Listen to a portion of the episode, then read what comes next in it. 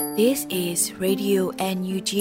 the voice of National Unity Government of Myanmar, broadcasting for Myanmar's Spring Revolution. Radio NUG is transmitting from shortwave 16 meter 17.79 megahertz at 8:30 a.m. and 25 meter 11.94 megahertz at 8:30 p.m. Myanmar Standard Time.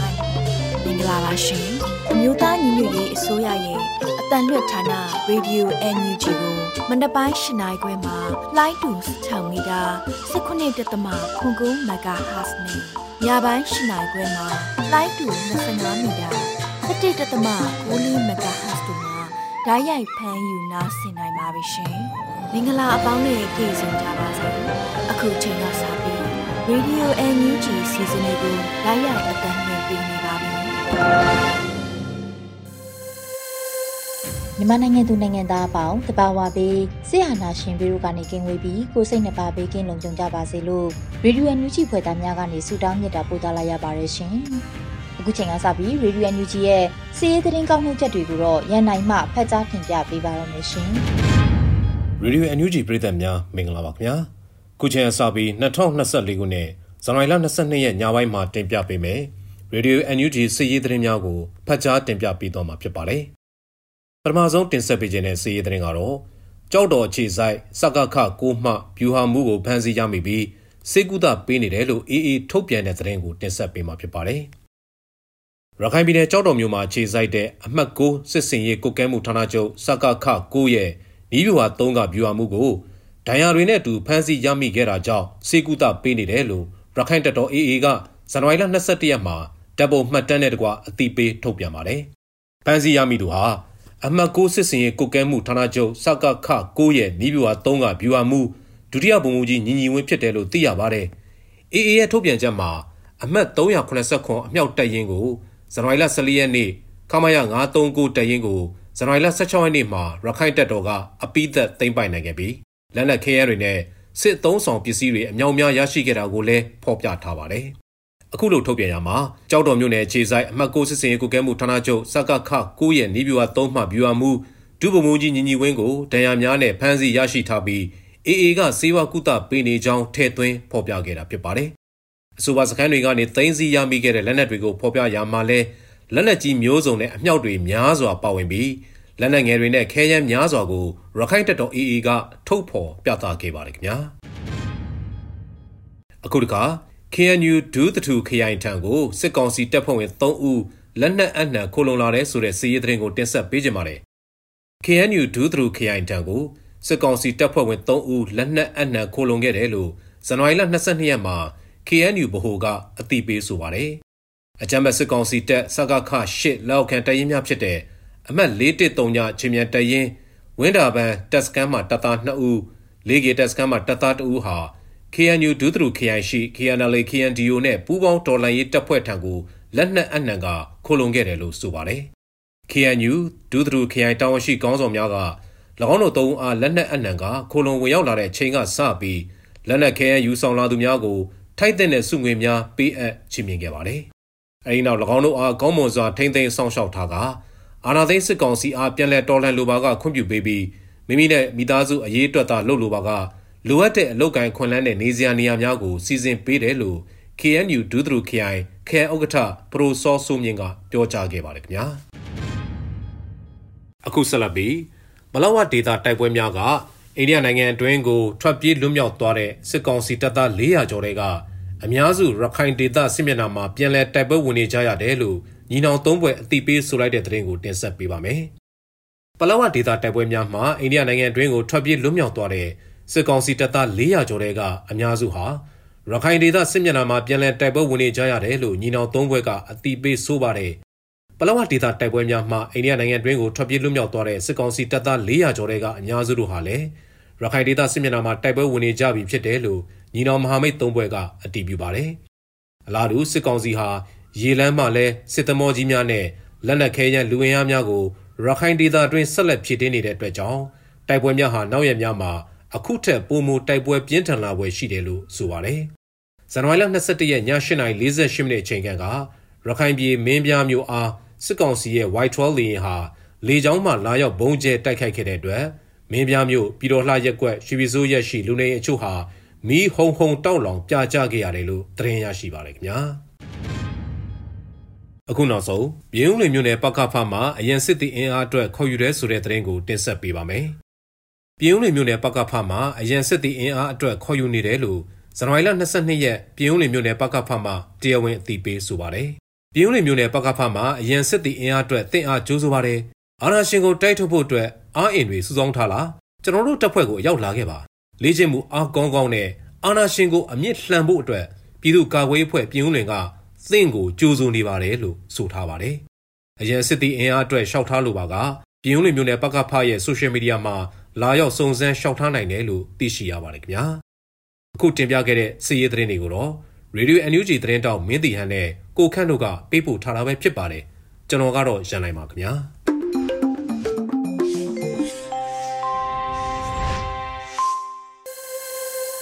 ဗီဒီယိုညွှန်ချီရဲ့ညပိုင်းစီစဉ်တွေကိုဆက်လက်တင်ပြနေပါတယ်။အခုဆက်လက်ပြီးနားဆင်ကြရမှာကတော့ပြည်တွင်းသတင်းများကို Sordes လူနေမှဖတ်ကြားတင်ပြပေးပါရမရှင်။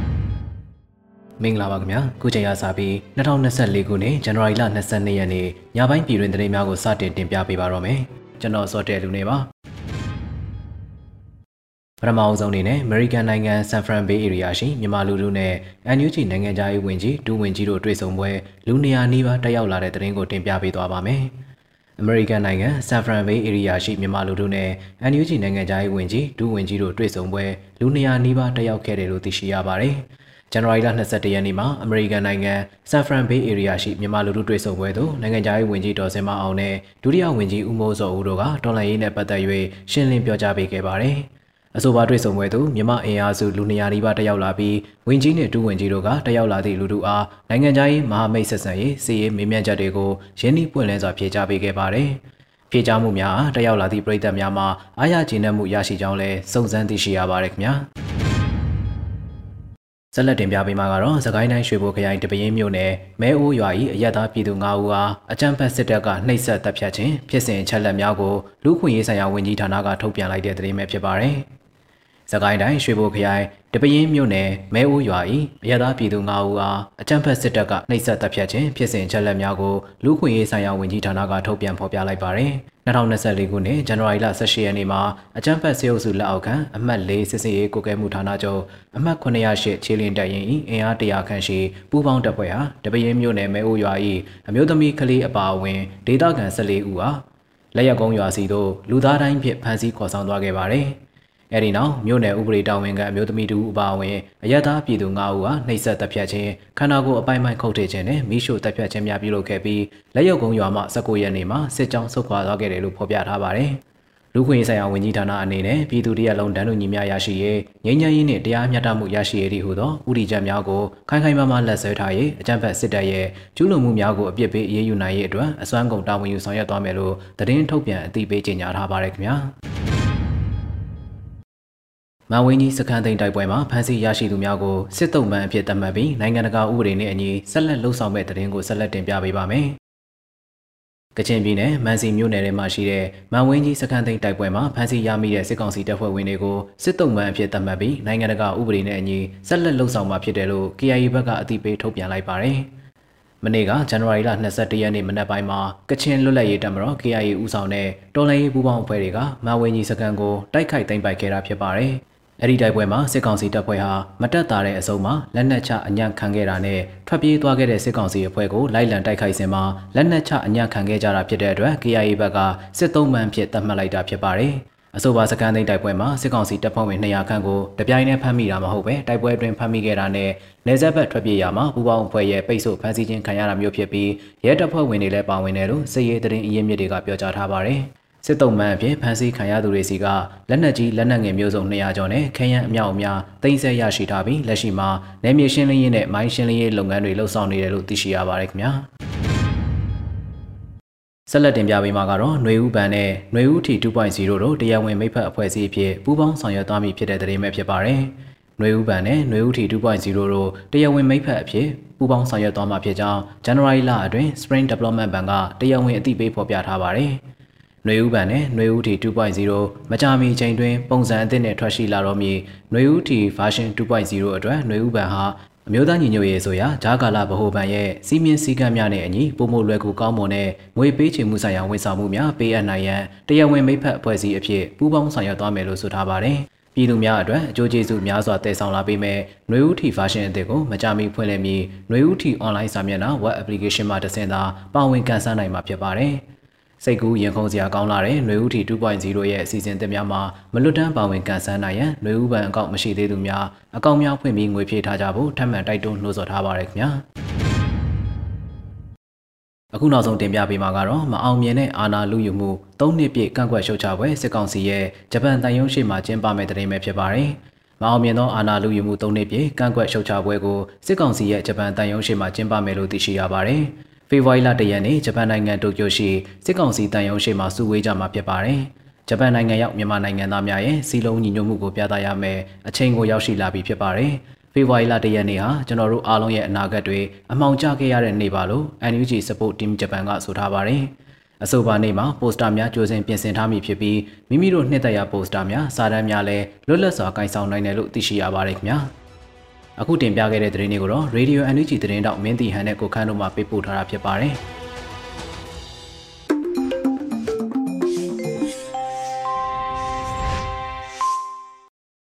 ဗီဒီယိုညချီကိုနာတော်တာဆင်နေတဲ့ပရိသတ်များရှင်အခုတစ်ခါမှာတော့တော်လှန်ရေးတီဂီတာအနေနဲ့တေးရီဒူ21တေးဆူတောင်းရဲ့အောင်ပွဲတေးလို့အမည်ရတဲ့တော်လှန်ရေးတီဂီတာကိုနားဆင်ကြရတော့မှာဖြစ်ပါတယ်ရှင် ကိုလည်းကိုရှော့တို့သမိုင်းတို့ရဲ့တို့အရေးတို့လမ်းမှာအောင်ပွဲဟာရှိမှလက်ကန်ရဲ့နီးနိုင်စေကိုမွေးထား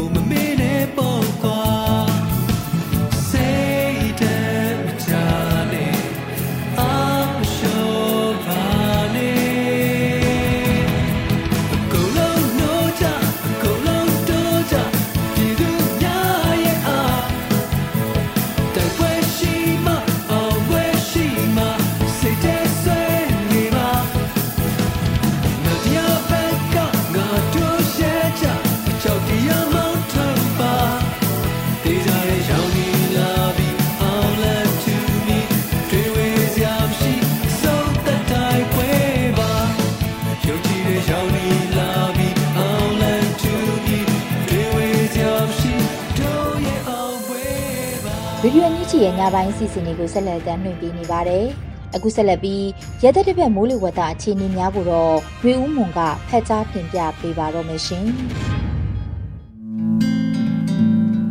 မင်္ဂလာပါရှင်။ခုချိန်ကစပြီး2024ခုနှစ်ဇန်နဝါရီလ22ရက်နေ့မှ28ရက်နေ့ထိမိုးလေဝသခန့်မှန်းချက်အခြေအနေတွေကိုတင်ပြပေးသွားပါမယ်။ခုတစ်ပတ်အတွင်းထူးခြားချက်မှာလာမယ့်ရက်တစ်ပတ်အတွင်းမြန်မာနိုင်ငံအနောက်မြောက်ဘက်မှလေအေးများသည့် အနောက်ဘင်္ဂလားနယ်မှတစ်ဆင့်မြန်မာနိုင်ငံအလဲပိုင်းနှင့်အောက်ပိုင်းများသို့ထိုးဆင်းလာခဲ့ပြီးတောင်ဘက်ပိုင်းပင်လယ်မှလေနွေးများနှင့်ပေါင်းစုံ၍ချိန်ခါမဟုတ်မိုးရွာစေသောဖြစ်စဉ်ကြောင့်ဇန်နဝါရီလ25 26 29 28ရက်နေ့များတွင်တနင်္သာရီတိုင်းမွန်ပြည်နယ်ရန်ကုန်တိုင်းအေရီတိုင်းပဲခူးတိုင်းရခိုင်ပြည်နယ်ကရင်ပြည်နယ်ကယားပြည်နယ်မန္တလေးတိုင်းနေပြည်တော်နဲ့ရှမ်းပြည်နယ်တို့၌အချိန်ခါမဟုတ်သောစောင်းမှုရနိုင်မဲ့ရတဲ့တစ်ပတ်ဖြစ်လာနိုင်ပါတယ်။ယခုတစ်ပတ်တွင် ညအခါဆောင်းရာသီအေးပိုလာနိုင်မှုသည်အိန္ဒိယဘက်မှအေးလိုက်အင်အားချက်ထွင်မှုနဲ့အင်အားရောကြမှုတို့ပေါ်မူတည်၍မြန်မာနိုင်ငံအထက်ပိုင်းနှင့်အလယ်ပိုင်းတို့တွင်အေးပိုမှုအတက်အကျခံစားရလာနိုင်ပြီးနနက်ပိုင်းတွင်မြူတူများလည်းကျဆင်းနိုင်ပါတယ်။ဆက်လက်ပြီးနေ့လိုက်တပတ်စာမိုးလေဝသအခြေအနေများကိုလည်းတင်ပြပေးသွားပါမယ်။ဇန်နဝါရီလ22ရက်နေ့အတွက်ခံမှန်းချက်မှာမြန်မာနိုင်ငံအထက်ပိုင်းနှင့်အလယ်ပိုင်းတို့တွင်အနောက်အနောက်မြောက်လေများတိုက်ခတ်လာနိုင်ပြီး တောင်ပိုင်းတွင်အရှေ့တောင်လေများတိုက်ခတ်နေနိုင်ပါတယ်။စောင်းမုတ်တုံချီနီမှာမြန်မာနိုင်ငံအထက်ပိုင်းနှင့်အလယ်ပိုင်းတို့တွင်ညပူချိန်များကျဆင်းကဆက်လက်အေးနေနိုင်ပြီးမြဝကျွန်းမော်ဒေသများပြန်လည်အေးပေါ်သွားနိုင်ပါတယ်။နံနက်ပိုင်းတွင်ရခိုင်ပြည်နယ်၊ချင်းပြည်နယ်၊ကချင်ပြည်နယ်၊စကိုင်းတိုင်း၊မန္တလေးတိုင်း၊မကွေးတိုင်း၊နေပြည်တော်၊ရှမ်းပြည်နယ်၊ပဲခူးတိုင်း၊ရန်ကုန်တိုင်း၊အေရီတိုင်း၊ကယားပြည်နယ်နှင့်ကရင်ပြည်နယ်တို့တွင်မြူတူများကျဆင်းနိုင်ပါတယ်။ အိန္ဒိယမြောက်ပိုင်းမှာအေးလိုင်းသည်အရှေ့ဘင်္ဂလားနယ်ပယ်သို့ဆက်လက်ရွေးရှားနေပါတယ်။ဘင်္ဂလားပင်လယ်အော်အခြေအနေမှာဘင်္ဂလားပင်လယ်အော်တောင်ပိုင်းတွင်တိမ်အထင်တင့်ဖြစ်ထွန်းနိုင်ပြီးကြံဘင်္ဂလားပင်လယ်အော်နှင့်ကပ်ပလီပင်လယ်ပြင်တို့တွင်တာယာနိုင်ပါတယ်။မိုးအခြေအနေမှာတပြည်လုံးတွင်တာယာနိုင်ပါတယ်။မြမပင်လယ်ပြင်အခြေအနေမှာရခိုင်ကမ်းရိုးတန်းဘက်တွင်မြောက်နောက်မြောက်ဘက်မှလေသည့်တနင်္ဂနွေမိုင်မှ10မိုင်ခန့်တိုက်ခတ်နိုင်ပြီးလိုင်းအသင့်အတက်ရှိနိုင်ပါတယ်။မြို့ဝကျွန်းပေါ်မုတ်တမကွင်းနဲ့ တနင်္သာရီကမ်းရိုးတန်းဘက်တွင်အရှိရှေ့တောင်ဘက်မှလေသည့်တနိုင်း9မိုင်ခန့်တိုက်ခတ်နိုင်ပြီးလိုင်းအသင့်အတက်ရှိနိုင်ပါတယ်ရှင်။ဇန်နဝါရီလ23ရက်နေ့အတွက်ခံမှန်းချက်မှာ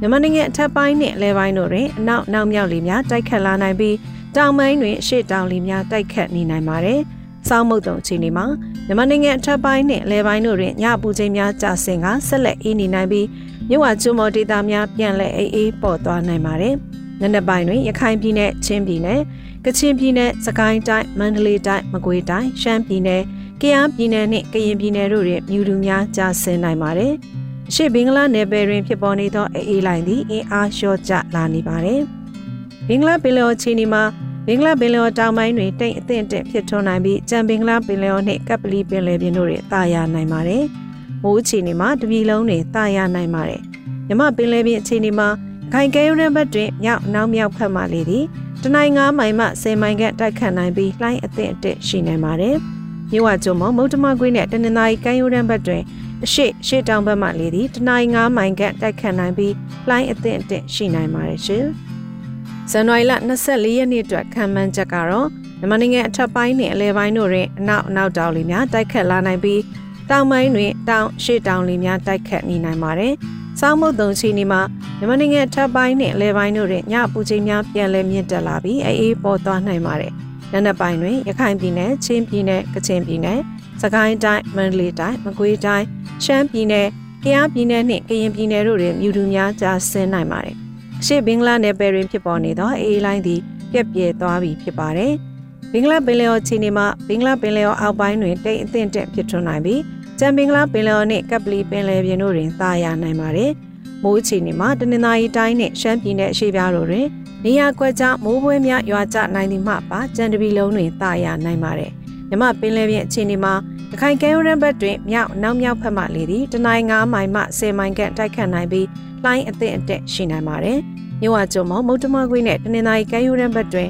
တောင်ရှစ်တောင်ဘက်မှလေသည်တနိုင်း9မိုင်ခန့်တိုက်ခတ်နိုင်ပြီးလှိုင်းအသင့်အတက်ရှိနိုင်ပါတယ်ရှင်။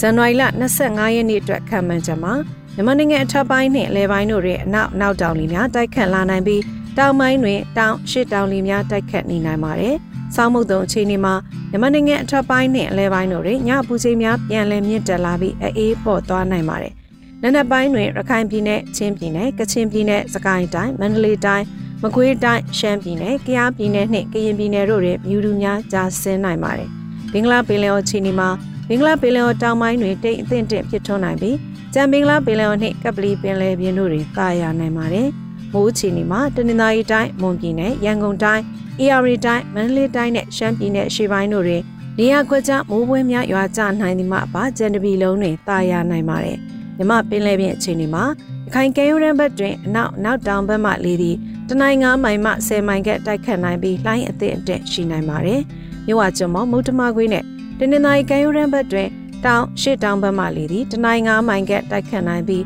လိုင်းအသည့်အတစ်ရှိနိုင်ပါတယ်ရှင်။ဇန်နဝါရီလ26ရက်နေ့အတွက်ခံမှန်းချက်မှာမြန်မာနိုင်ငံအထက်ပိုင်းနှင့်လေပိုင်းတို့တွင်အနောက်နောက်တောင်လေများတိုက်ခတ်လာနိုင်ပြီးတောင်ပိုင်းတွင်တောင်ရှစ်တောင်လေများတိုက်ခတ်နေနိုင်ပါတယ်။ဆောင်းမုတ်တုံချင်းဒီမှာမြန်မာနိုင်ငံအထက်ပိုင်းနှင့်လေပိုင်းတို့တွင်ညပူချိန်များပြန်လည်မြင့်တက်လာပြီးအေးပေါ်သွားနိုင်ပါတယ်။ နနက်ပိုင်းတွင်ရခိုင်ပြည်နယ်၊ချင်းပြည်နယ်၊ကချင်ပြည်နယ်၊စကိုင်းတိုင်း၊မန္တလေးတိုင်း၊မကွေးတိုင်း၊ရှမ်းပြည်နယ်၊ကယားပြည်နယ်နဲ့ကရင်ပြည်နယ်တို့တွင်မြူတူများကျဆင်းနိုင်ပါတယ်။ဘင်္ဂလားပင်လယ်အော်အခြေအနေမှာဘင်္ဂလားပင်လယ်အော်တောင်ပိုင်းနှင့်ကပလီပင်လယ်ပြင်တို့တွင်တိမ်အသင့်တက်မှတိမ်ထူထပ်နိုင်ပြီးကြံဘင်္ဂလားပင်လယ်အော်တွင်တိမ်အနှင်းငယ်ဖြစ်ထွန်းနိုင်ပါတယ်။မိုးအခြေအနေမှာတနင်္သာရီတိုင်းမွန်ပြည်နယ်ရန်ကုန်တိုင်းအေရီတိုင်းပဲခူးတိုင်းရခိုင်ပြည်နယ်ကရင်ပြည်နယ်ကယားပြည်နယ်မန္တလေးတိုင်း နေပြည်တော်နှင့်ရှမ်းပြည်နယ်တို့တွင်နေရာကွက်ကြားမှနေရာကျဲကျဲမိုးဝဲများရွာကျနိုင်ပြီးကြံဒေသများတွင်တာယာနိုင်ပါတယ်။မြမပင်လယ်ပြင်အခြေအနေမှာရခိုင်ကဲရန်ဘက်တွင်အနောက်နောက်တောင်ဘက်မှလေသည်တနိုင်း9မိုင်မှ10မိုင်ခန့်တိုက်ခတ်နိုင်ပြီးလှိုင်းအသင့်အတက်ရှိနိုင်ပါတယ်။မြဝကျွန်းမမုတ်တမကွေးနဲ့တနင်္သာရီကဲရန်ဘက်တွင်တောင်ရှစ်တောင်ဘက်မှလေသည်တနိုင်း9မိုင်ခန့်တိုက်ခတ်နိုင်ပြီးလှိုင်းအသင့်အတက်ရှိနိုင်ပါတယ်ရှင်။ဇန်နဝါရီလ29ရက်နေ့အတွက်ခံမှန်းချက်ကတော့ မြန်မာနိုင်ငံအထက်ပိုင်းနှင့်အလဲပိုင်းတို့တွင်နောက်နောက်တောင်လေများတိုက်ခတ်လာနိုင်ပြီးတောင်ပိုင်းတွင်တောင်ရှစ်တောင်လေများတိုက်ခတ်နေနိုင်ပါတယ်။ဆောင်းမုတ်တုံချိန်ဒီမှာမြန်မာနိုင်ငံအထက်ပိုင်းနှင့်အလဲပိုင်းတို့တွင်ညပူချိန်များပြန်လည်မြင့်တက်လာပြီးအေးပေါ်သွားနိုင်ပါတယ်။နံနက်ပိုင်းတွင်ရှမ်းပြည်နယ်ချင်းပြည်နယ်ကချင်ပြည်နယ်စကိုင်းတိုင်းမန္တလေးတိုင်းမကွေးတိုင်းရှမ်းပြည်နယ်ကယားပြည်နယ်နှင့်ကရင်ပြည်နယ်တို့တွင်မြူတူများကျဆင်းနိုင်ပါတယ်။ဘင်္ဂလားပင်လယ်အော်ချင်းဒီမှာ ဘင်္ဂလားပင်လယ်အော်တောင်ပိုင်းနှင့်ကပလီပင်လယ်ပြင်တို့တွင်တိမ်အသင့်တင်မှတိမ်ထူထပ်နိုင်ပြီးကျန်ဘင်္ဂလားပင်လယ်အော်တွင်တိမ်အနှဲငယ်ဖြစ်ထွန်းနိုင်ပါတယ်။မိုးချီနေမှာတနင်္သာရီတိုင်းမွန်ပြည်နယ်ရန်ကုန်တိုင်းအေရီတိုင်းပဲခူးတိုင်းရခိုင်ပြည်နယ်ကရင်ပြည်နယ်ကယားပြည်နယ်မန္တလေးတိုင်းနေပြည်တော်နှင့်ရှမ်းပြည်နယ်တို့တွင်နေရာကွက်ကြားမှနေရာကျဲကျဲမိုးဝဲများရွာကျနိုင်ပြီးကြံဒေသများတွင်တာယာနိုင်ပါတယ်။မြမပင်လယ်ပြင်အခြေအနေမှာ ပခိုင်ကဲရိုရန်ဘတ်တွေအနောက်နောက်တောင်ဘက်မှလေသည်တနိုင်း9မိုင်မှ10မိုင်ခန့်တိုက်ခတ်နိုင်ပြီးလှိုင်းအသင့်အတင့်ရှိနိုင်ပါတယ်။မြဝကျွန်းမမုတ်တမကွေးနဲ့တနင်္သာရီကဲရိုရန်ဘတ်တွေတောင်ရှစ်တောင်ဘက်မှလေသည်တနိုင်း9မိုင်ခန့်တိုက်ခတ်နိုင်ပြီးလှိုင်းအသင့်အတင့်ရှိနိုင်ပါတယ်ရှင်။ဇန်နဝါရီလ28ရက်နေ့အတွက်ခံမှန်းချက်မှာမြန်မာနိုင်ငံအထက်ပိုင်းနှင့်အလဲပိုင်းတို့တွင်မြောက်အနောက်မြောက်လေများတိုက်ခတ်လာနိုင်ပြီးတောင်ပိုင်းတွင်တောင်ရှစ်တောင်လေများတိုက်ခတ်နေနိုင်ပါတယ်။ဆောင်းမုတ်တုံအချိန်ဒီမှာ မြန်မာနိုင်ငံအထက်ပိုင်းနှင့်အလဲပိုင်းတို့တွင်ညပူချိန်များပြန်လည်ကျဆင်းလာပြီးအေးလာနိုင်ပါတယ်။နံနက်ပိုင်းတွင်ရခိုင်ပြည်နယ်၊ချင်းပြည်နယ်၊ကချင်ပြည်နယ်၊စကိုင်းတိုင်း၊မန္တလေးတိုင်း၊မကွေးတိုင်း၊ရှမ်းပြည်နယ်၊ကယားပြည်နယ်နှင့်ကရင်ပြည်နယ်တို့တွင်မြူတူများကျဆင်းနိုင်ပါတယ်။ဘင်္ဂလားပင်လယ်အော်ခြေနေမှာဘင်္ဂလားပင်လယ်အော်တောင်ပိုင်းနှင့်ကပလီပင်လယ်ပြင်တို့တွင်တိမ်အသင့်အတစ်မှတိမ်ထူထပ်နိုင်ပြီးကြံဘင်္ဂလားပင်လယ်အော်တွင်တိမ်အနှဲငယ်ဖြစ်ထွန်းနိုင်ပါတယ်။မိုးအခြေအနေမှာတနင်္သာရီတိုင်း၊မွန်ပြည်နယ်၊ရန်ကုန်တိုင်း ကရင်ပြည်နယ်၊ကယားပြည်နယ်နှင့်ရှမ်းပြည်နယ်တို့တွင်နေရာကွက်ကြားမှနေရာကျဲကျဲမိုးဝင်းများရွာကျနိုင်ပြီးကြံဒေသများတွင်တာယာနိုင်ပါတယ်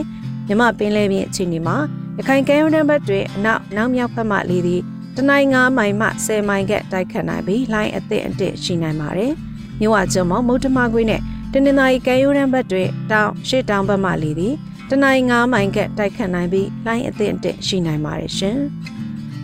ခုတင်ပြခဲ့တဲ့မိုးလေဝသခံမှန်းချက်အခြေအနေများကတော့မြို့သားညီညွတ်ရေးအစိုးရလူသားချင်းစာနာထောက်ထားရေးနဲ့ဘေးအန္တရာယ်ဆိုင်ရာစီမံခန့်ခွဲရေးဝန်ကြီးဌာနမှတင်ပြချက်များဖြစ်ပါတယ်ရှင်။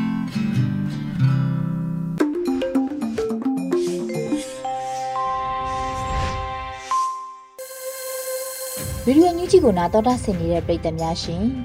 အခုနောက်ဆုံးအနေနဲ့တိုင်းရင်းသားဘာသာစကားနဲ့သတင်းထုတ်လွှင့်မှုစီစဉ်မှာတော့သကောကရင်ဘာသာဖြင့်တပတ်အတွင်းသတင်းတွေကိုနော်နွေဦးပွင့်ကဖတ်ကြားတင်ပြပေးပါတော့မယ်ရှင်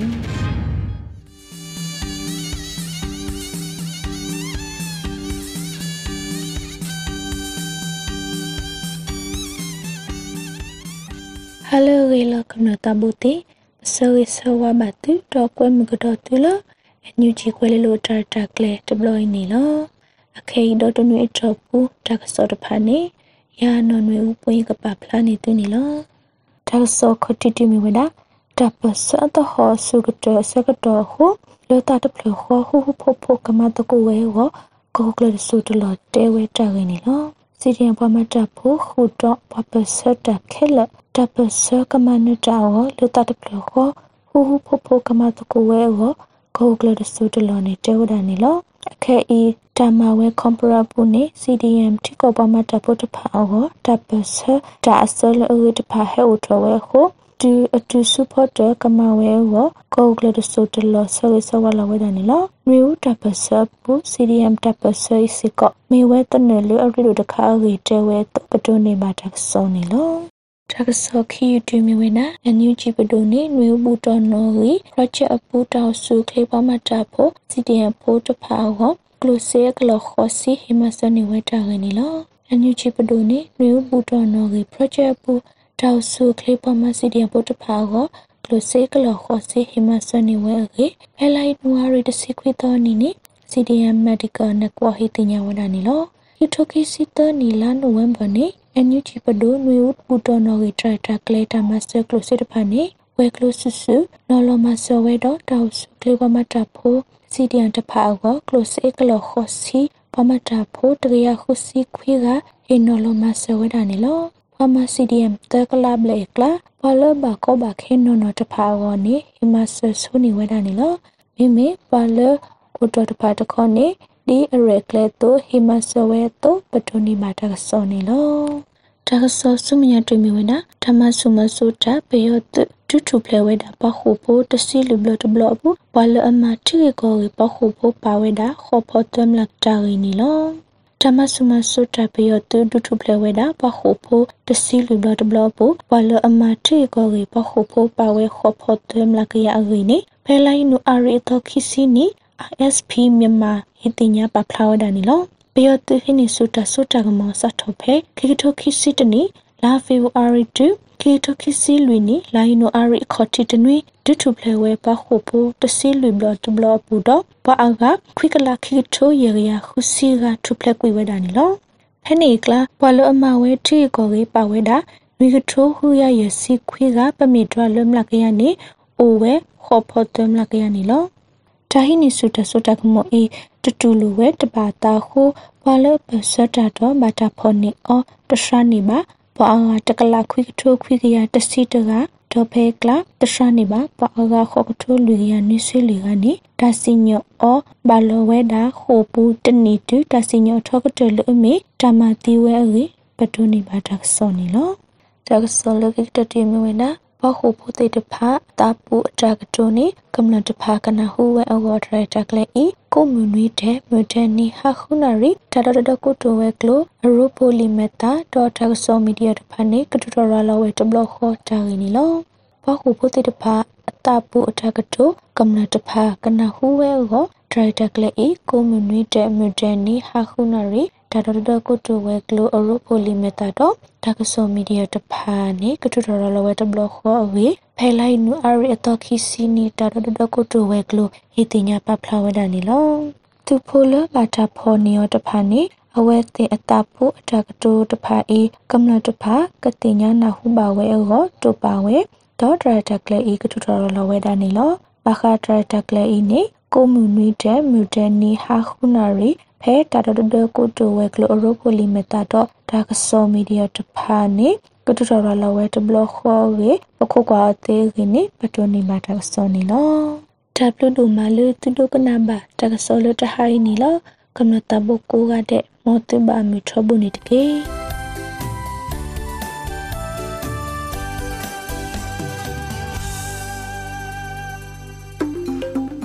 ဒီကနေ့ကတော့ဒီညနေပဲ Radio NUG ရဲ့အစီအစဉ်လေးကိုခေတ္တရ延လိုက်ပါမယ်ရှင်မြန်မာစံတော်ချိန်မနေ့၈နိုင်ခွဲနဲ့ည၈နိုင်ခွဲအချိန်တွေမှာပြောင်းလဲဆိုပြကြပါလို့ရှင်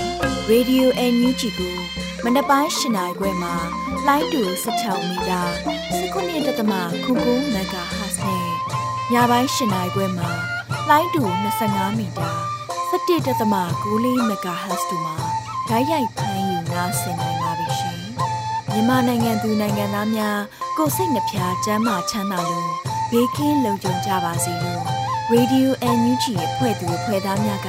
ဆုတောင်းလိုက်ရပါတယ်။ San Francisco Bay Area အခြေဆိုင်မြန်မာမိသားစုများ